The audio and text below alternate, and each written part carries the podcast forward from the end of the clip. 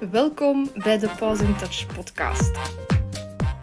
Dit is de podcast voor jou en je reactieve, angstige of agressieve hond.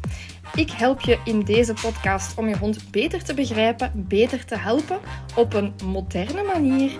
Dus force en fear-free, zodanig dat jullie terug samen kunnen genieten van leuke dingen. Waar loopt het enorm vaak mis bij training met reactieve, agressieve of angstige honden? Dat is zo'n beetje de vraag die dat ik vandaag wil beantwoorden. Nu, als we het hebben over training met een reactieve, agressieve of angstige hond, dan hebben we vorige week al een beetje bekeken dat reactief, agressief of angstig, dat dat eigenlijk gewoon gaat om een beschrijving van bepaald gedrag dat een hond um, laat zien. En dat dus eigenlijk gaat om symptomen van een dieper probleem. waarom zet die hond agressie in? Waarom reageert die hond zo snel? Waarom voelt die hond zich niet veilig? Waarom voelt hij zich angstig? Waarom zet hij um, dit bepaald gedrag in? En dan wordt er bijvoorbeeld um, getraind met alternatief gedrag aanleren. Um, ja, how shall I put this? Dat is heel contradictorisch, want ik heb net gezegd dat bij agressie dat het gedrag een symptoom is. Waar, waaraan dat je kunt zien van oei, die hond die heeft het ergens moeilijk mee, dus misschien moeten we daar wel iets mee doen. En dan is bij de meeste mensen de, de reflex, zal ik zeggen, ja, dit gedrag staat mij niet aan, ik wil iets anders in de plaats. Oké. Maar als het gedrag een symptoom is, dan gaat je gewoon het ene symptoom vervangen door iets anders. A.k.a. je hebt eigenlijk niks gedaan voor die hond. Dat is nu heel grof wat ik zeg, maar ja, die hond is wel lekker met zijn probleem blijven zitten. Eigenlijk komt het erop neer dat ik heel vaak um, mensen, zelfs die beloningsgericht willen werken, uh, met een reactieve hond. En dan is het van, ja, ik sta ik daar met dat koekje te zwaaien, maar hij neemt het niet meer aan, hè. Hij neemt het gewoon niet meer aan. Dus ja, ik wil wel belonen. Ik wil wel op een positieve manier uh, mijn hond trainen, maar dat gaat gewoonweg niet. Dat werkt niet. Dat is hetgeen wat er vaak wordt gezegd. Um, ja. How shall I put this? Het systeem van straffen en belonen dat hebben we ook in eerdere podcasts al um, toegelicht. Dat werkt niet bij reactieve honden op het moment dat ze in een reactie zitten. En als ik het zo zeg, misschien, misschien valt uw frang al wel, want een reactieve hond die snel reageert terwijl dat hem in een reactie zit, kan gewoon niet leren. Die is met iets anders bezig. Die is aan het reageren op iets wat dat hem bedreigend vindt, of dat hem spannend vindt, of dat hem superleuk vindt, of frustrerend vindt, of whatever dat het ook mogen zijn. Dat wil zeggen dat hij een hond op dat moment in zijn brein, in zijn koppetje, gewoon letterlijk geen plaats, geen, geen plek heeft om dingen te leren. Die een hond die is op dat moment in een overlevingsreactie. Dus ja, natuurlijk, als je in een overlevingsreactie zit, dan is niet die moment dat je in je overleving zit. Hè? Je moet je dat even voorstellen, ik ga een beetje overdrijven. Maar op het moment dat er een leeuw achter u zit, moet je niet zeggen: Goh, ik ga even zo'n buffet aanschouwen. Ik heb een hongerke. Dan heb ik energie om te gaan lopen. Like, what the hell? Nee, maak dat je weg zij. Ehm, en dat is hetgeen wat dat bij die reactieve honden vaak gebeurt. Als jij op dat moment met je koekje staat te zwaaien, dan denkt die een hond: What the fuck? Nee! Wij moeten dat ding wegjagen. Wij moeten maken dat we weg zijn. We moeten hier iets doen, want anders gaan we dood. Allee, ik overdrijf het nu, hè, maar daar komt het zo op neer. Ehm, en dat is iets wat dat we veel te weinig bekijken.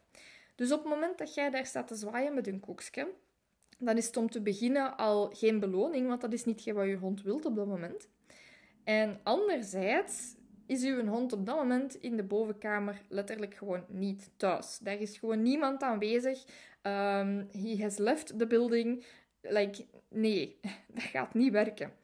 Ehm, en jammer genoeg wordt er dan dus gezegd: ja, dat belonen en dat, dat, dat positieve, dat werkt niet. Hè.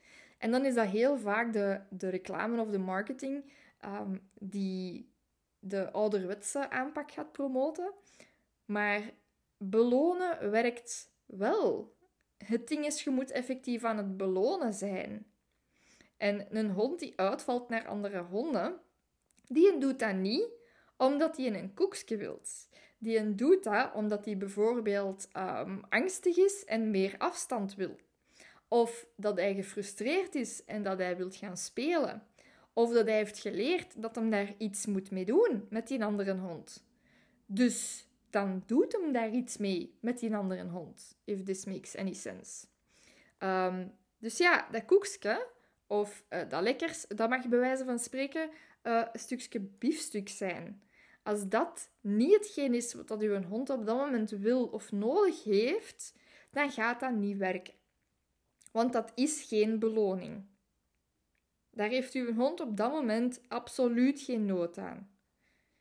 Dus dat is wel een hele belangrijke om mee te nemen. Nu, hetgeen wat ik ook heel vaak zie gebeuren, is dat we bij um, reactieve, agressieve, angstige honden, dat we die allerlei trucjes gaan leren. En dat we gaan inzetten in de hondenschool en, en, en op training en op weet ik veel. Hè, dat we vooral gaan inzetten op gehoorzaamheid. En I hate to burst your bubble. En sorry als dit wat grof overkomt, maar dan heb je duidelijk niet begrepen waar het eigenlijk om draait. Want opnieuw, gehoorzaamheid heeft niks te maken, of, of trucjes aanleren, heeft niks te maken met een reactie. Heeft niks te maken met overlevingsgedrag. En dat is wel heel belangrijk om dat onderscheid te gaan maken. Een reactieve hond is niet ongehoorzaam omdat hij daarvoor kiest. Absoluut niet. Dus meer trainen op gehoorzaamheid gaat absoluut helemaal niks uitmaken, omdat die hond gewoon niet aan zijn denkvermogen kan. Dus al uw training van uw trucjes en uw gehoorzaamheid en alles wat ze, weet ik veel waar allemaal, hè, uh, qua, qua conditionering, qua aanleren, uh, hebben geleerd, dat zit bij die hond op dat moment in een vakje, bij wijze van spreken, in zijn hoofd, waar dat hij op dat moment, als die aan het reageren is, als hem in een reactie zit, dan kan hem daar niet aan. Dus dan heb je misschien heel veel tijd en moeite gestoken in je hond een zit leren in het bijzijn van andere honden. Op het moment dat daar een andere hond aankomt en dat, u, dat uw hond die spanning begint te ervaren en dat die spanning begint op te bouwen, dan gaat al uw training out the window. Omdat je op een verkeerde manier aan het trainen bent. Je zit aan het trainen op gedrag. En dat gaat niet werken. Want daar zit het probleem niet. En dit is eentje die, die mensen soms moeilijk vinden om, om te snappen. Maar het komt er zo'n beetje op neer. Als mens zijn er ook momenten dat je emotioneel gaat reageren. En je moet je eigen eens de vraag stellen in een hele stressvolle periode of uh, op momenten dat je echt een, een hele heftige periode doorgaat. Is dat een periode waar dat jij nog logisch kunt nadenken en nog hele zware beslissingen kunt maken? Of is dat een periode waar dat je even rust nodig hebt om het allemaal wat te laten zakken, om nadien terug logisch te kunnen nadenken? En dit is iets wat dat dus ook bij je hond voorkomt. Dus wat dat bij deze een beetje mijn boodschap is, is er zijn verschillende vormen van training. En hetgeen waar dat het heel vaak misloopt, als het gaat over training met reactieve, agressieve of angstige honden, is het trainen op gedrag. Daar lost je helemaal niks mee op. Misschien, en dan nog heel misschien, werkt het op het moment dat je hard genoeg gaat straffen of die hond genoeg gaat bang maken of whatever. Maar natuurlijk moet je dat ook niet willen. Ehm, en als het werkt, dan is uw probleem opgelost. Maar dan heb je voor uw hond nog helemaal niks gedaan. En dan kun je denken van ja, maar ik heb hem toch een alternatief gegeven. Ehm, ja en nee. Zolang dat je aan die perceptie van een hond, hoe dat hij die situatie ervaart, als je daar helemaal niks mee doet, maar je leert hem gewoon, ja, in de plaats van um, je zo te gedragen, moet je nu zo gedragen, dan heb je eigenlijk voor je hond niks betekend. En dat is nu, ik zeg het heel grof wat ik zeg, maar daar komt het voor mij wel op neer. Dat is zo'n beetje zoals tegen iemand op een begrafenis gaan zeggen: Allee, lach een keer, je ziet er zo droevig uit.